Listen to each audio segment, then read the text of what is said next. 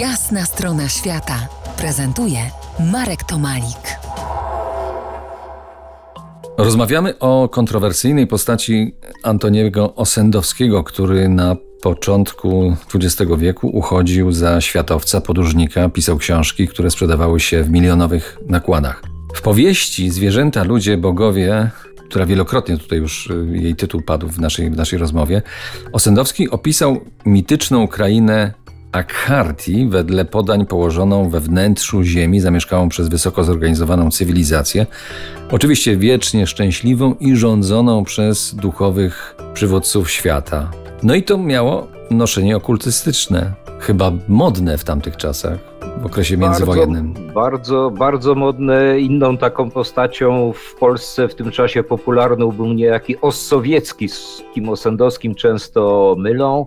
Natomiast to właśnie, ten, ta, ta, ta część jego relacji dotycząca tej jego krainy stała się również powodem oskarżenia o plagiat, bo to jakiś francuski wcześniej e, pisarz to opisał tą krainę i Osendowskiemu zarzucono i rzeczywiście w tym, w tym zakresie jest to, jest to prawda.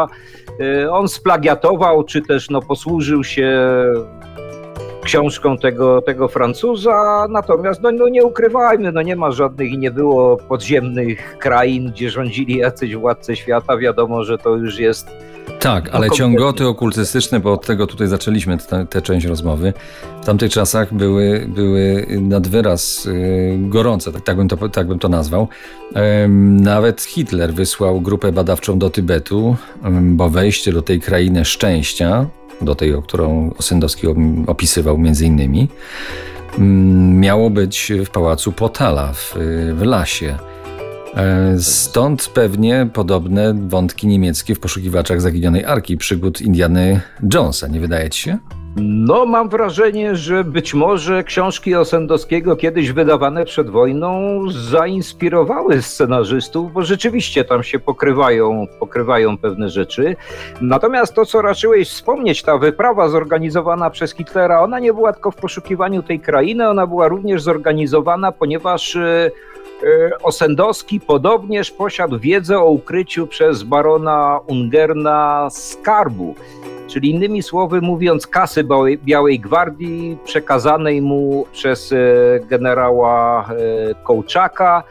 Olbrzymi majątek na kilkadziesiąt miliardów dolarów ocenione do dzisiaj, nie wiadomo co się z tym stało, ale Niemcy, jak również i potem bolszewicy do tego zupełnie poważnie podchodzili i rzeczywiście szukali, bo ta kasa to nie jest rzecz wymyślona, wymyślona i ona była, z nią coś się stało. Do dzisiaj nie wiadomo co.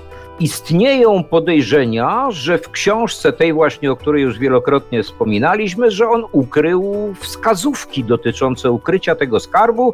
Do tego, y, jak się w dzisiejszych czasach czyta Osendowskiego, czy w ogóle można go czytać, y, porozmawiamy w ostatniej części naszej dzisiejszej rozmowy po jasnej stronie świata.